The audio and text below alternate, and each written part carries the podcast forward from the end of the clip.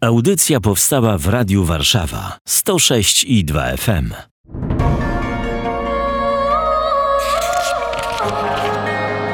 Księga. Księga. Księga. Niedzielne czytania biblijne rozważają ksiądz Łukasz Turek i Paweł Kęska. Niech będzie pochwalony Jezus Chrystus. Na wieki wieków. Amen. Słyszałem kiedyś wielokrotnie hasło poza Kościołem nie ma zbawienia. No tutaj dużo się zmienia e, w, te, w teologii, ponoć się liberalizuje wszystko. Ono jest aktualne? Wszystko się liberalizuje oprócz Pana Boga. Pan Bóg się nie liberalizuje i Pan Bóg zdania nie zmienia. W związku z powyższym to, co nam objawił, to, co Kościół wierzy od samego początku, pozostaje, pozostaje niezmienne i rzeczywiście to e, zdanie jest cały czas prawdziwe i tak pozostanie na wieki wieków. Czyli nie ma zbawienia poza Kościołem. Nie ma zbawienia poza Kościołem, tylko że to zdanie trzeba dobrze zrozumieć. No i będziemy starali się między innymi dziś to rozumieć. A zaczynamy od bardzo ciekawego czytania. Od czytania z księgi proroka Izajasza, rozdział 45, wers pierwszy i od 4 do 6.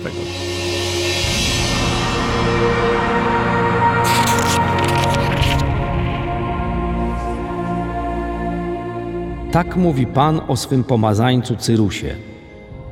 Ja mocno ująłem go za prawicę, aby ujarzmić przed nim narody i królom odpiąć broń od pasa, aby otworzyć przed nim podwoje, żeby się bramy nie zatrzasnęły. Przez wzgląd na mego sługę Jakuba, Izraela, mojego wybrańca, nadałem ci twój tytuł bardzo zaszczytny, chociaż mnie nie znałeś. Ja jestem Pan i nie ma innego. Poza mną nie ma Boga. Przypaszę ci broń, chociaż mnie nie znałeś, aby wiedziano od wschodu słońca aż do zachodu, że poza mną nic nie ma. Ja jestem Pan i nikt poza mną.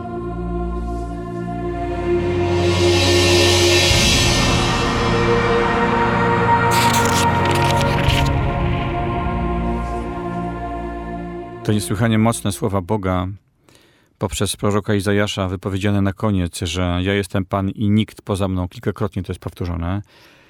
W tym przedziwnym kontekście, że Bóg, poza którym nic nie ma, bierze sobie Cyrusa, który na pewno nam miał tam paru innych bogów, bo przecież on się chyba nie stał, już nie mówię chrześcijaninem, bo jeszcze nie te czasy, ale Izraelitą, że tak powiem, wierzącym w Jachwę, a i tak dostał od Pana miecz, którym, że tak powiem, podpinał resztę oręża, które tam tylko gdzieś było w rejonie i Izraelici mogli zacząć żyć swobodnie, bo to takie dramatyczne czasy. Jaki kontekst? Może od tego zacznijmy? No, król Cyrus y, w ciągu 25 lat niespełna swojego panowania podbił praktycznie rzecz biorąc wszystkie kraje Bliskiego Wschodu. Tam można przeczytać, że poza Egiptem i po jakimiś, poza jakimiś plemionami wy, wy, wyżyny irańskiej. Czyli tak naprawdę cały ten świat Bliskiego Wschodu, który my znamy z Biblii, całego otoczenia, z historii, on był w ręku y, Cyrusa potężny przywódca, wspaniały wojownik, bardzo dobrze radzący sobie z rzemiosłem wojennym. Podbił największe przecież do tej pory imperium Babilonie. A zarazem to, co o nim można przeczytać, to to, że to był człowiek sprawiedliwy. To był człowiek sprawiedliwy, można powiedzieć człowiek dobry, człowiek porządny.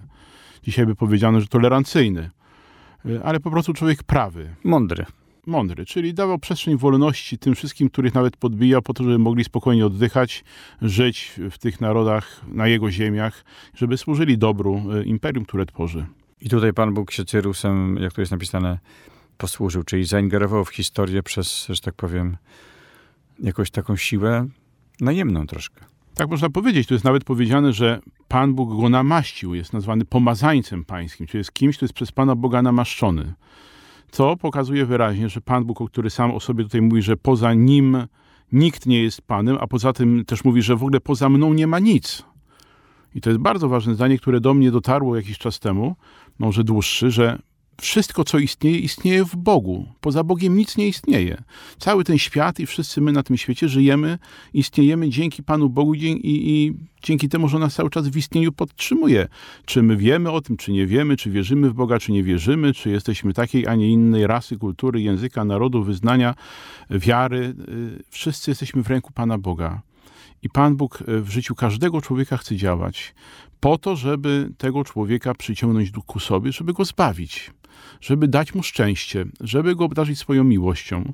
Bo przecież każdy człowiek na ziemi, nie tylko wierzący chrześcijanin, katolik, został stworzony na obraz i podobieństwo Pana Boga, każdy człowiek został stworzony, żeby być w relacji z Panem Bogiem, żeby go poznać, żeby go zapragnąć, żeby go wybrać i ostatecznie po zakończeniu tego ziemskiego pielgrzymowania e, osiągnąć niebo. A jeżeli Cyrus czcił jakiegoś innego boga, na przykład Baala, bądź jakieś inne bóstwo lokalne, nie wiem jakie tam były bóstwa, jacy bogowie byli wyznawani przez Persów, no to to nie przeszkadzało Bogu Jachwę?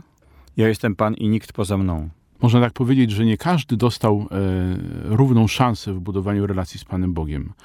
My urodziliśmy się w szczęśliwych okolicznościach, że urodziliśmy się w kraju chrześcijańskim, w kraju katolickim, gdzie od samego zarania naszego życia, ochrzczeni, prawda, przez rodziców wierzących, daj Boże, którzy nas przynieśli do kościoła, staliśmy się dziećmi bożymi, jesteśmy we wspólnocie, mamy dostęp do ogromnego źródła łaski, przyjęliśmy pełnię objawienia Bożego, które on dał nam właśnie przez Jezusa Chrystusa. Natomiast bardzo wiele innych, bardzo wiele ludzi urodziło się w zupełnie innych kulturach, w innych religiach, w innych narodach i im nie było dane y, takie poznanie Pana Boga i takie objawienie jak nam. Cyrus też jest w tej sytuacji. Nie urodził się w Izraelu, który wtedy na ten czas otrzymał tą, to objawienie Boże, prawdziwe Boga jedynego, Boga Jahwe, ale to nie znaczy, że Pan Bóg nie objawiał się mu przez różnego rodzaju okoliczności życia, także przez to, co on wyznawał, wierząc w swoje bóstwa. Tu jest tak mocno napisane: Nadałem ci twój tytuł bardzo zaszczytny, chociaż mnie nie znałeś. Piszę kilka razy, chociaż mnie nie znałeś. To oznacza, że każdy z nas, który nie zna Boga, albo zna go może fałszywie, że każdy z nas ma, ma otwartą drogę, ma szansę. To Bóg może do niego przyjść, nawet jak on go nie szuka. Nie wiem, czy tam Cyrus szukał. Może nie szukał. Każdy z nas ma głęboko w sercu ukryte pragnienie dobra, pragnienie prawdy, pragnienie miłości. To jest coś z tego, co w chrześcijaństwie święty Augustyn powie, że stworzyłeś nas Boże dla siebie i niespokojne jest serce człowieka, dopóki w Tobie nie spocznie, mój Boże. Każdy człowiek jest ukierunkowany na Boga Stwórcę, nawet jeżeli go nie zna. I każdy człowiek poszukuje prawdy. Jeżeli postępuje zgodnie ze swoim sumieniem, ze swoim sercem, a wiemy dobrze, że na mocy stworzenia nas przez Pana Boga mamy wszczepione w siebie coś, co nazywamy prawem naturalnym. Czyli prawem, które mówi czyń dobro, nie czyń zła. E, jeżeli postępujemy zgodnie z tym prawem naturalnym, nawet nie znając objawienia Bożego, to realizujemy w swoim życiu dążenie do dobra, dążenie do prawdy. I w związku z tym szukamy Pana Boga i realizujemy w jakiś sposób Jego wolę. Nawet Go nie znając, tak jak tutaj Pan Bóg mówi. Ale Pan Bóg y, też mówi, ja Ciebie za rękę ująłem, bo ja Ciebie, tak jak każdego innego, chcę poprowadzić, chcę się Tobą posłużyć. A że Cyrus wygląda na to, postępował drogą prawdy, postępował drogą dobra, pozwalał na to, żeby Pan Bóg nim posługiwał się w tym dziele zbawienia, konkretnie tutaj też Izraela, którego przez niego dokonał. Mówi Bóg, przypaszę ci broń. Myślę o Panu Jezusie, który rozbijał stoły bankierów. Myślę też o takim e, określeniu jak bicz Boży. Nie wiem, wojska mongolskie były biczem Bożym, albo Tatarzy byli biczem Bożym, czyli ktoś, kto wbija się w jakąś rzeczywistość, rozbija zastany ład mimo że nie ma nic wspólnego z wiarą, to no, tasuje rzeczywistość, bo może ona nie była dobra. W moim życiu też tak może być. Bicz Boże, przychodzi Cyrus z mieczem i robi tam porządek. Pan Bóg różnymi drogami realizuje swój plany, swoje zamiary. Mówił, że moje myśli nie są waszymi, ani drogi moje waszymi drogami. To słowo pokazuje wyraźnie, że Pan Bóg jest niczym nieograniczony w realizacji swoich zamysłów, swoich zamiarów. Pan Bóg chce dokonywać w nas dzieła zbawienia, tak jak cały czas chciał dokonywać dzieła zbawienia w życiu Izraelitów. Ta niewola babilońska nie była przypadkiem. To nie była sytuacja, która wymknęła się Panu Bogu spod kontroli. Ona była konsekwencją grzechu Izraela, który od Pana Boga odchodził i go nie czcił. I teraz Pan Bóg przychodzi z nową łaską. Tam była trudna, bo doprowadziła ich do niewoli, czyli do utraty tego wszystkiego, w czym pokładali do tej pory swoją nadzieję. A teraz Pan przychodzi z nową łaską, posługując się poganinem, posługując się królem perskim, aby Izraelitów przywrócić niejako do e, właśnie do miejsca, w którym, z, którego, z którego zostali uprowadzeni, żeby odnowić e, ich życie. Tak samo jest w naszym życiu. Bóg się posługuje różnego rodzaju wydarzeniami, okolicznościami życia e, po to, żeby rozwalać wieże Babel, które my sobie tam budujemy e, w różnych momentach naszego życia, właśnie budując na sobie, a nie na nim, a z drugiej strony przez różne okoliczności życia e, różnych ludzi, Pan Bóg przychodzi też z łaską po to, żebyśmy zaczęli budować coś, co będzie na nim e, wybudowane. Na przykład teraz rozpoczęły się e, w naszej diecezji rekolekcje ewangelizacyjne, odnowy w kilkunastu miejscach parafii, w kilku miejscach, kilkunastu miejscach diecezji. Po drugiej stronie Wisły również w kilkunastu miejscach diecezji są takie rekolekcje. I już są przykłady, prawda, ludzie świadectwa, którzy mówią, że Pan Bóg ich przyprowadził na te rekolekcje przyprowadził ich, posłużył się kimś, oni tak zwanym przypadkiem poszli do swojego kościoła, chociaż zwyczajowo nie chodzili do tego, tylko gdzieś indziej. Ostatnio takie, takie właśnie e, świadectwo usłyszałem. E, I to jest to. Pan Bóg ma swoje drogi, żeby nas do siebie pociągnąć, żeby e, wejść w nasze życie z nową łaską, żeby czegoś nowego dokonać. Ważne jest to, żebyśmy chcieli to tylko zauważyć. Za chwilę przeczytamy fragment z listu świętego Pawła Apostoła do Tesaloniczan.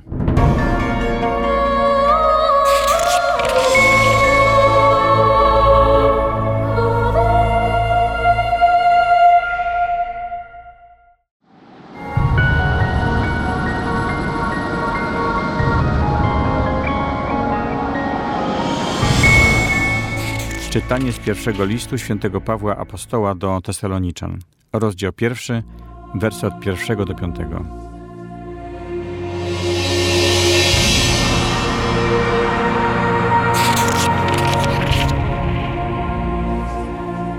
Paweł, Sylwan i Tymoteusz do kościoła Tesaloniczan w Bogu Ojcu i Panu Jezusie Chrystusie. Łaska Wam i pokój. Zawsze dziękujemy Bogu za Was wszystkich, wspominając o Was nieustannie w naszych modlitwach – Pomni przed Bogiem i Ojcem naszym na wasze dzieło wiary, na trud miłości i na wytrwałą nadzieję w Panu naszym Jezusie Chrystusie.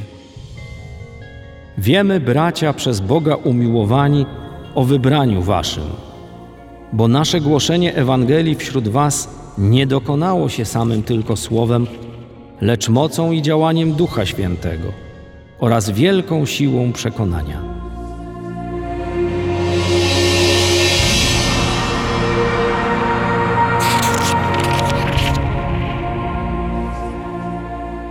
Święty Paweł, wielki ewangelizator, człowiek, który głosił Chrystusa naprawdę niezliczonej liczbie osób, założył kościoły, pewnie wiedział, jak to działa.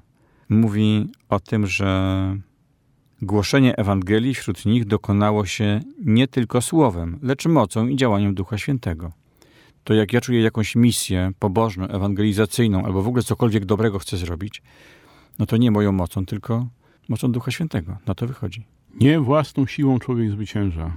Paweł bardzo dobrze znał y, już y, i swoje możliwości, i, i, y, i, drogę, którą go Pan Bóg poprowadził.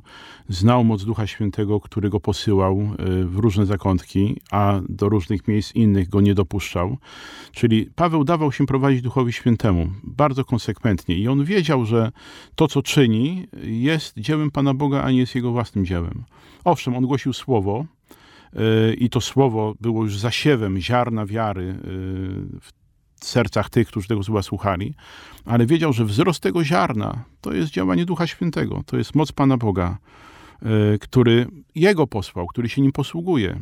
Coś tego, jak prawda, Cyrusem posługiwał się dla dokonania dzieła, które zamierzał, tak samo posługuje się Pawłem, tylko że Paweł był świadomy tego, że współpracuje z łaską Pana Boga, że został powołany, że został wybrany do tego, żeby być jego apostołem, żeby być jego prorokiem, żeby zakładać kościoły, żeby przynosić ludziom nadzieję, żeby uczyć ich budowania relacji z Bogiem. Y, I ta świadomość Pawła rodziła w nim pokorę względem tego wszystkiego, czego on dokonywał. On sobie zasług nie, przy, nie przypisywał. Nawet lubił się określać mianem, prawda, ostatniego z apostołów, a nawet mówił niegodny zwać się apostołem, no bo prześladowałem kiedyś Kościół Boży. Ale wiem, że zdziała we mnie potężnie moc Chrystusa, że działa we mnie potężnie moc Ducha Świętego, bo Chrystus tego chce, bo Duch Święty tego chce. a ja chcę wypełnić w moim życiu to, do czego zostałem powołany do końca. Tu jest napisane, że no nie tylko Paweł był wybrany do głoszenia, ale wybrani byli ci, którzy go słuchali. Bo wszyscy są wybrani. Znaczy inaczej. Pismo Święte nam powie, że wielu jest powołanych, ale mało wybranych. Paweł widzi ludzi, którzy słuchają tego, co on mówi, których serce pała, którzy się otwierają. E, widzi Paweł znaki i cuda, które się dzieją, które towarzyszą jego głoszeniu Ewangelii, więc widzi wiarę tych ludzi i wie, że oni, którzy zostali powołani przez Pana Boga do życia wiecznego, przyjęli to powołanie i stali się ludźmi wybranymi. Właśnie przez przyjęcie y, łaski, przez odpowiedź wiarą na to słowo, które usłyszeli, na to słowo, z którym Pan Bóg do nich przyszedł. I to jest coś, czego y, my ciągle się musimy uczyć. Że nie możemy być bierni w tym, y, w jaki sposób słuchamy Pana Boga w kościele, w jaki sposób słuchamy go czytając Pismo Święte, w jaki sposób prawda, modlimy się. Nie możemy być bierni uczestnicząc w Eucharystii, tylko i wyłącznie z przyzwyczajenia. Bardzo ważne jest to, żebyśmy wychodzili naprzeciw łasce Pana Boga. On jest pierwszy, to prawda. To On daje łaskę. Ale nie traktuje mnie jak niewolnika, nie traktuje mnie jak bezwolne, nie wiem, bezwolne ciele, które on będzie ciągnął teraz na sznurku tam, gdzie, gdzie on chce poprowadzić. Nie, mówi, jesteś wolnym człowiekiem, masz rozum, masz wolną wolę, jesteś moim dzieckiem, masz wielką godność w moich oczach, więc zaangażuj się. I to jest to, y, do czego my każdego dnia na nowo jesteśmy zaproszeni. Ksiądz jest z odnowy, więc też ksiądz z głoszeniem ma wiele wspólnego. Z głoszeniem i z patrzeniem na to, jak ludzie reagują, jak przyjmują tą wiarę, jak przyjmują Ducha Świętego. Czyli co ksiądz mówi to słowo, ono pada z ambony, a wśród ludzi są ci, którzy zostali wybrani? Wśród ludzi są ci, którzy to słowo przyjmują. To jest to, co Pan Jezus mówi w przypowieści o siewcy. Jest jeden, który sieje słowo, siewcą jest Chrystus, powiemy, ziarnem jest Słowo Boże, ale to słowo może paść na miejsce skaliste, może pójść między krzaki, może pójść na drogę, może paść na ziemię żyzną. Bardzo wiele zależy od tego, z czym tak naprawdę ja przychodzę, z, mm, jakim nastawieniem, czego ja pragnę, czy w ogóle czegokolwiek pragnę, przychodząc na przykład na Eucharystię, czy przychodząc na rekolekcję. Tak jak to wspomniałem, te rekolekcje odnowy. No przychodzi rzesza ludzi, którzy y, mogliby równie dobrze w tym samym czasie siedzieć w domu, bo to jest wieczór, godzina 20, prawie, ta 21 się kończy z kawałkiem. Mogli siedzieć przed telewizorem, mogli odpoczywać po ciężkim dniu pracy, bo to akurat poniedziałek, a jednak przychodzą do kościoła, bo czegoś chcą, bo czegoś pragną. Teraz to słowo, które Pan Bóg daje przez księdza takiego czy innego, czy po prostu osobę głoszącą rekolekcję, ma gdzie paść. Ma żyzną ziemię, której może wzrastać. I to jest jak gdyby cała tajemnica. I to jest tajemnica działania Pana Boga, a nie tajemnica tam księdza jednego czy drugiego. Święty Paweł pisze jeszcze o czymś takim, coś takie wzruszające, ale niełatwe. Pomnij przed Bogiem i Ojcem naszym na wasze dzieło wiary, trud miłości i na wytrwałą nadzieję w Panu naszym Jezusie Chrystusie. Trud miłości. Miłość jest trudna? A łatwa? To jest, a to w Duchu Świętym, to już nie jest wszystko pozamiatane? Nie, no właśnie. Chcielibyśmy tak, żeby życie było łatwe, proste i przyjemne, a miłość to, żeby była taka fajna, takim wniosłym, ciepłym uczuciem, żeby mnie wszyscy kochali i żeby mnie wszyscy głaskali i żeby wszyscy koło mnie skakali, żeby mi się wszystkim podobał. Tymczasem miłość jest pragnieniem dobra dla osoby, którą kocham. Jest aktem woli i z tym zawsze się wiąże pewien trud. Bo ta osoba, którą kocham, może, prawda, nie za bardzo chcieć być kochana, może nie za bardzo pojmować moją miłość, rozumieć, że ja się o nią troszczę, że walczę o tą osobę, że mi na niej zależy, więc z tego tytułu też stawiam jakieś wymagania. E, Paweł e, stawiał wymagania swoim słuchaczom bardzo konkretne, to mocno w wielu listach wybrzmiewa. E, wzywał ich do nawracania się, ganił powrót do pogaństwa, czy też jakieś takie brakoróbstwo, takie pójście na wygodę. I dlatego też tutaj mówi o tym, że no, docenia ten trud miłości, czyli trud, który oni podejmują, by przyjmować Jego słowo z wiarą, z miłością, z ufnością i odpowiadać na to słowo swoim zaangażowaniem, swoim pragnieniem dobra y, dla innych ludzi, także dla Pawła. Paweł często zaczyna swoje listy od y, dziękczynienia i tu napisał coś niby wydawałoby się zwyczajnego. Zawsze dziękujemy Bogu za was wszystkich wspominając o Was nieustannie w naszych modlitwach. Zawsze dziękujemy Bogu za Was wszystkich. Dziękuję się za to, co jest darem. Gdyby to nie było darem, to bym nie dziękował, bo byłoby moje. mój kościół, ja założyłem w Tesalonikach, tak, kościół, no to za co mam dziękować? A Paweł dziękuję. Dziękuję, bo był pokorny, bo wiedział dobrze, że ci wszyscy ludzie, których, którym mógł głosić słowo Pana Boga, to był, to był dar y, Boga dla Pawła, dar Boga dla mm, Kościoła. To Bóg przyprowadził tych ludzi, to Bóg ich zaprosił y, na te rekolekcje, na to głoszenie, na te konferencje, te katechezy, które Paweł wygłaszał. To Bóg tych ludzi przyprowadził, ponieważ to Bóg ich kocha. Pierwszy, największą miłością. Bóg pragnie ich dobra. Y, I tutaj warto sobie postawić pytanie, na ile ja w swoim życiu, w swojej modlitwie też pielęgnuję postawę wdzięczności. Na ile jestem świadom daru, który, y, który jest moim udziałem dzięki łasce Pana Boga. W poprzednim czytaniu mm, słyszeliśmy, że poza Bogiem nie ma niczego. Poza Bogiem nic nie istnieje. A więc wszystko, co się dzieje w moim życiu, różnego rodzaju okoliczności mojego życia, drugi człowiek, którego Pan Bóg stawia na drodze mojego życia, mój mąż, moja żona, moje dzieci, moi rodzice, praca, którą mam, przyjaciele, których mam, wszystko jest darem Pana Boga. Yy, a jeżeli jeszcze na dodatek mam taką świadomość, że przez swoje życie, przez świadectwo swojego życia, przez jakieś słowo, przez modlitwę mogę tym ludziom może właśnie trochę Pana Boga przybliżyć, że ktoś dzięki mnie usłyszał dobrą nowinę, no to tym bardziej yy, mam okazję, prawda, yy, dziękować Panu Bogu za to, że On mnie do tego uzdolnił, że dał mi taką łaskę, że, że uzdalnia mnie w ogóle do miłości do drugiego człowieka, uzdalnia mnie do jakiejś pokory, uzdalnia mnie do troski. Czy ja dziękuję Panu Bogu za to dobro, które czynię?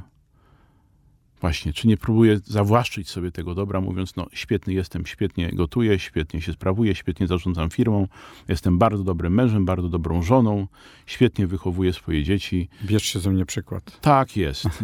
Chociaż Paweł zawsze to mówił, Tak, bierzcie tak, ze mnie tak. przykład.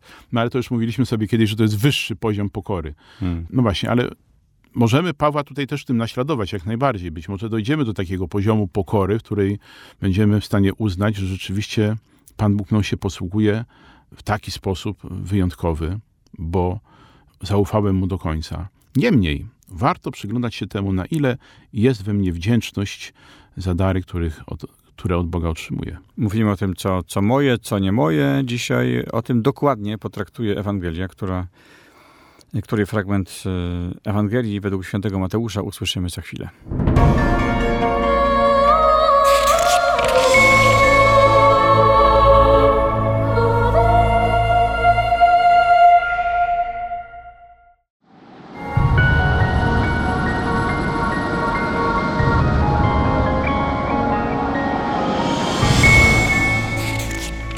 Słowa Ewangelii według świętego Mateusza. Rozdział 22, wersy od 15 do 21.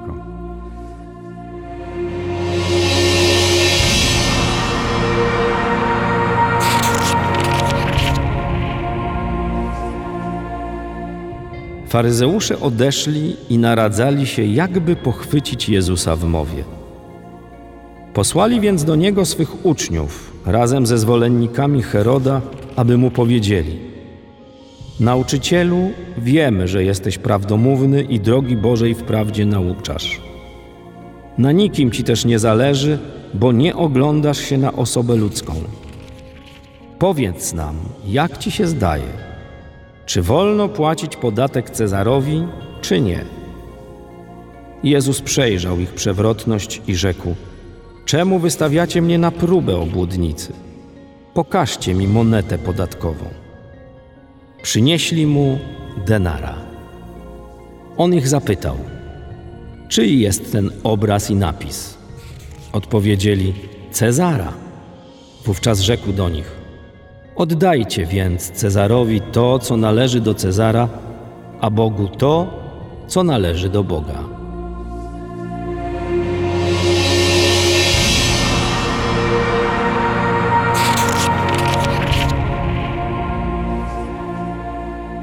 To czytanie zaczyna się od takich prostych, ale bardzo sugestywnych słów. Faryzeusze naradzali się, jakby podchwycić Jezusa w mowie.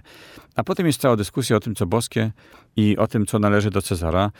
I tak mi się wydaje, że bardzo wiele rozmów, które my toczymy, czasem z samymi sobą, ale częściej jeszcze z sąsiadami, z kolegami z pracy i tak dalej, na przykład dotyczących Kościoła, wiary, Boga w mniejszym stopniu mi się wydaje, ale Kościoła i wiary na pewno, to się właśnie bierze stąd, że chcemy podchwycić, albo chcemy być podchwyceni na czymś, nie? Albo chcemy mieć rację, albo chcemy kogoś przekonać na siłę do naszych poglądów, chcemy wpłynąć na ich sposób myślenia, prawda? Z, takiego, z takiej postawy wychodząc, że ja wiem lepiej i muszę teraz zmienić tego drugiego człowieka, żeby on myślał tak jak ja, żeby miał takie same poglądy. I teraz to tylko świadczy, myślę, o tym, że w tym naszym sercu tak naprawdę to, to, to nie ma tego, co być powinno. Znaczy, my nie dotykamy w ogóle w takich rozmowach istoty sprawy. W ogóle nie mówimy o Bogu, nie mówimy o Jezusie, nie mówimy o tym, kim Kościół jest, nie zajmujemy się, nie zastanawiamy się nad tym, czego Pan Bóg od nas chce, do czego Pan Bóg nas zaprasza, co Pan Bóg chce dla tego człowieka, który obok mnie jest, co ja tak naprawdę powinienem mu powiedzieć, y, jeżeli chcę być rzeczywiście świadkiem wiary, czy chcę być człowiekiem, który przekonuje o czymś, no jeżeli robię to bez Pana Boga, robię tylko w oparciu o swoje ludzkie ambicje, moją własną doskonałość, no to wtedy tego rodzi tylko i wyłącznie większy konflikt. Ale Pan Jezus wchodzi w tą retorykę, nie unika jej i okazuje się niesłychanie w tym przenikliwy i prosty w tej ocenie. Boska inteligencja. Można powiedzieć, faryzeusze, prawda, trafiła kosa na kamień. Jezus chce dotknąć serca faryzeuszy. Jezusowi nie zależy na tym, żeby faryzeuszów pognębić, żeby ich skompromitować. Tak naprawdę ich kompromituje sama ich postawa i sposób myślenia i motywacje, dla których do Jezusa przychodzą. To ich kompromituje, to ich poniża, to ich niszczy. A Jezus chce ich podźwignąć. Jezus chce im pokazać istotę sprawy. Że w kwestiach, prawda, o, które one, oni go pytają, w ogóle w całej ich postawie, im wcale nie chodzi o Pana Boga a mówi: oddajcie Bogu to, co należy do Boga. Myślę, że to jest najważniejsze zdanie, przez które Pan Bóg chciał dotknąć serca tych faryzeuszy. Zastanów się, faryzeuszu drogi, czy ty oddajesz Panu Bogu to, co do Boga należy. Czy twoje serce jest otwarte dla Boga? Czy twoje serce jest darem dla Boga?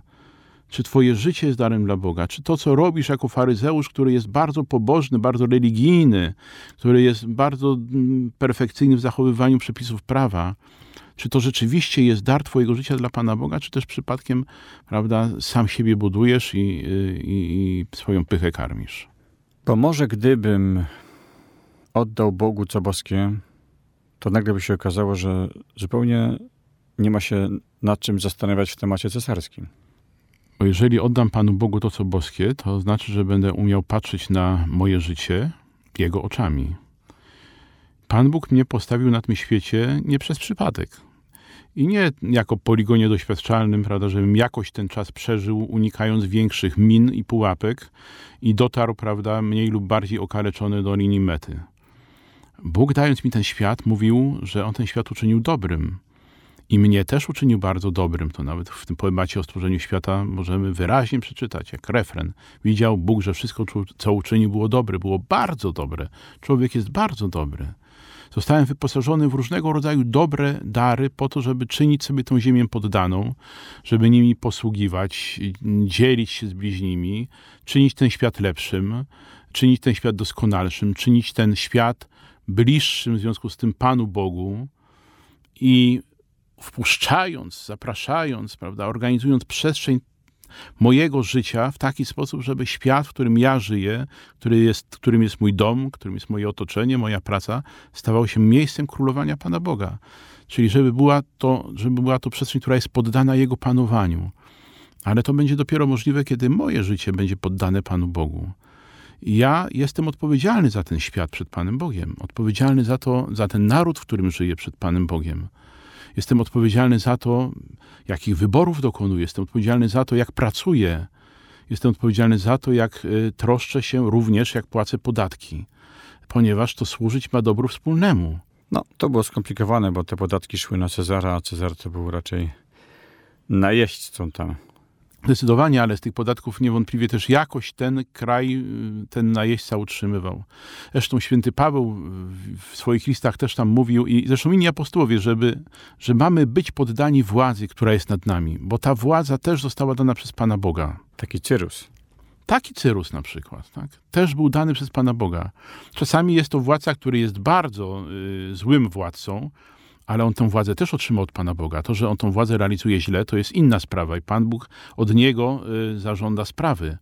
Natomiast temu władcy też trzeba być y, posłusznym, ponieważ y, no to wynika też z Pisma Świętego, ponieważ jest to ktoś, to w jaki sposób został ustanowiony, żeby karać tych, którzy są. No, albo się sam ustanowił. No bo takiego cara to też trzeba by szanować. No i, i to jest właśnie... Hitlera jednego z drugim. No tak. Zdecydowanie. No, posłuszeństwo tego rodzaju władzy nie wchodzi w rachubę. Bo tutaj pewną granicą tego posłuszeństwa jest moje sumienie. Moralność. Moralność moja. Ja nie, nie mam prawa, y, nie mam obowiązku i też nie mam prawa przestrzegać przepisów prawa, które są niemoralne, które są stanowione źle, y, które są zbrodnicze. I z tego tytułu też y, w Norymberdze oskarżono zbrodniarzy hitlerowskich w oparciu o prawo naturalne ponieważ prawo niemieckie było zbrodnicze, w związku z powyższym ich sądzono w oparciu o prawo naturalne. Oni mieli w siebie wszczepione czyń dobro, nie czyń zła i im nie wolno było przestrzegać prawa hitlerowskich Niemiec dlatego że to prawo było nieboże, było zbrodnicze, więc tutaj niewątpliwie jest ta granica czytelna, co też, prawda, y, w naszych czasach y, jest bardzo ważną nauką. Jeżeli ktoś stanowi prawo wbrew prawu Bożemu, a tego prawodawstwa wbrew prawu Bożemu jest coraz więcej, ja jako człowiek sumienia, człowiek prawy, nawet jeżeli byłbym niechrześcijaninem, to jednak jako człowiek prawy, człowiek sumienia, człowiek prawa naturalnego, nie mam y, obowiązku tego prawa przestrzegać, a nawet mówię, nie mam prawa to dramatyczne, bo będąc chrześcijanami, albo chociaż, jak ksiądz powiedział, kierując się tym prawem, którym może i Cyrus się kierował, bo był mądrym człowiekiem i szanował ludzi, idziemy po prostu na czołowe. Tak, idziemy pod prąd. I to wyraźnie, wyraźnie Pismo Święte nam pokazuje. Chrześcijanin musi iść pod prąd tego świata, ponieważ ten świat, mimo wszystko, że jest w nim także i wiele dobra, ale jest w nim wiele zła, jest we władzy złego i Myślę, że my namacalnie coraz mocniej widzimy, jak ta walka duchowa w naszych czasach, w naszym pokoleniu też intensywna jest. Jak bardzo zły duch stara się odciągnąć nasze myśli, serca, sumienia od Boga, Jego prawa, a z drugiej strony, jak bardzo też Pan Bóg zabiega o nas, żebyśmy my do Niego wracali.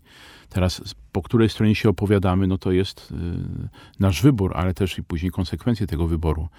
Dlatego możemy powiedzieć, że w tym świecie się dzieje źle, nawet tak po ludzku patrząc, dzieje się w nim coraz gorzej. Ale to nie znaczy, że, że Pan Bóg nie ma nad tym kontroli, że Boża opatrzność nad tym nie czuwa i że Pan Bóg, e, Pan Bogu ta sytuacja się z, z rąk wymyka. Bóg zawsze ma plan. Czyli oddajcie Bogu co boskie i bądźcie cierpliwi. A kto wytrwa do końca, ten będzie zbawiony. To jest to. My jesteśmy zaproszeni do tego, żeby być uczniami Pana Jezusa i tym uczniostwie nie ma obietnicy życia łatwego, prostego i przyjemnego. To jest zaproszenie do drogi krzyżowej, czyli do drogi, w której ja będę dźwigał ciężary swojego życia, będę pod tymi ciężarami i, i grzechami nieraz upadał, ale dzięki łasce Pana Boga mogę się tego podnosić i iść dalej. Jak upadnę, mogę znowu się podnosić. Pan Jezus mówi: weź moje jarzmo na siebie i ucz się ode mnie, ponieważ ja nie chcę, żebyś ty krzyż dźwigał sam, bo ty nie masz takiej mocy, nie masz takiej władzy. Nie chcę, żebyś sam szedł pod prąd tego świata. Ja ciebie poprowadzę. Ja, tak jak Cyrusa, chcę wziąć ciebie za rękę. Ja też ciebie wyposażyłem w różnego rodzaju dary, moce, zdolności, żebyś ty mógł dokonywać e, zwycięstwa, tak, żebyś mógł doświadczać zwycięstwa nad złym grzechem w swoim życiu ale też żebyś miał y, siłę do tego, żeby no, dźwigać przeciwności, być może też porażki. No trudne to były dziś rozważania. Mm, chrześcijanin, katolik wobec świata to temat rozwojowy, bo rzeczywistość przynosi kolejne odsłony tego spektaklu, więc będziemy mieli nad czym rozmyślać. A dziś za uwagę dziękuję Państwu. Ksiądz Łukasz Turek i Paweł Kęski. Księga.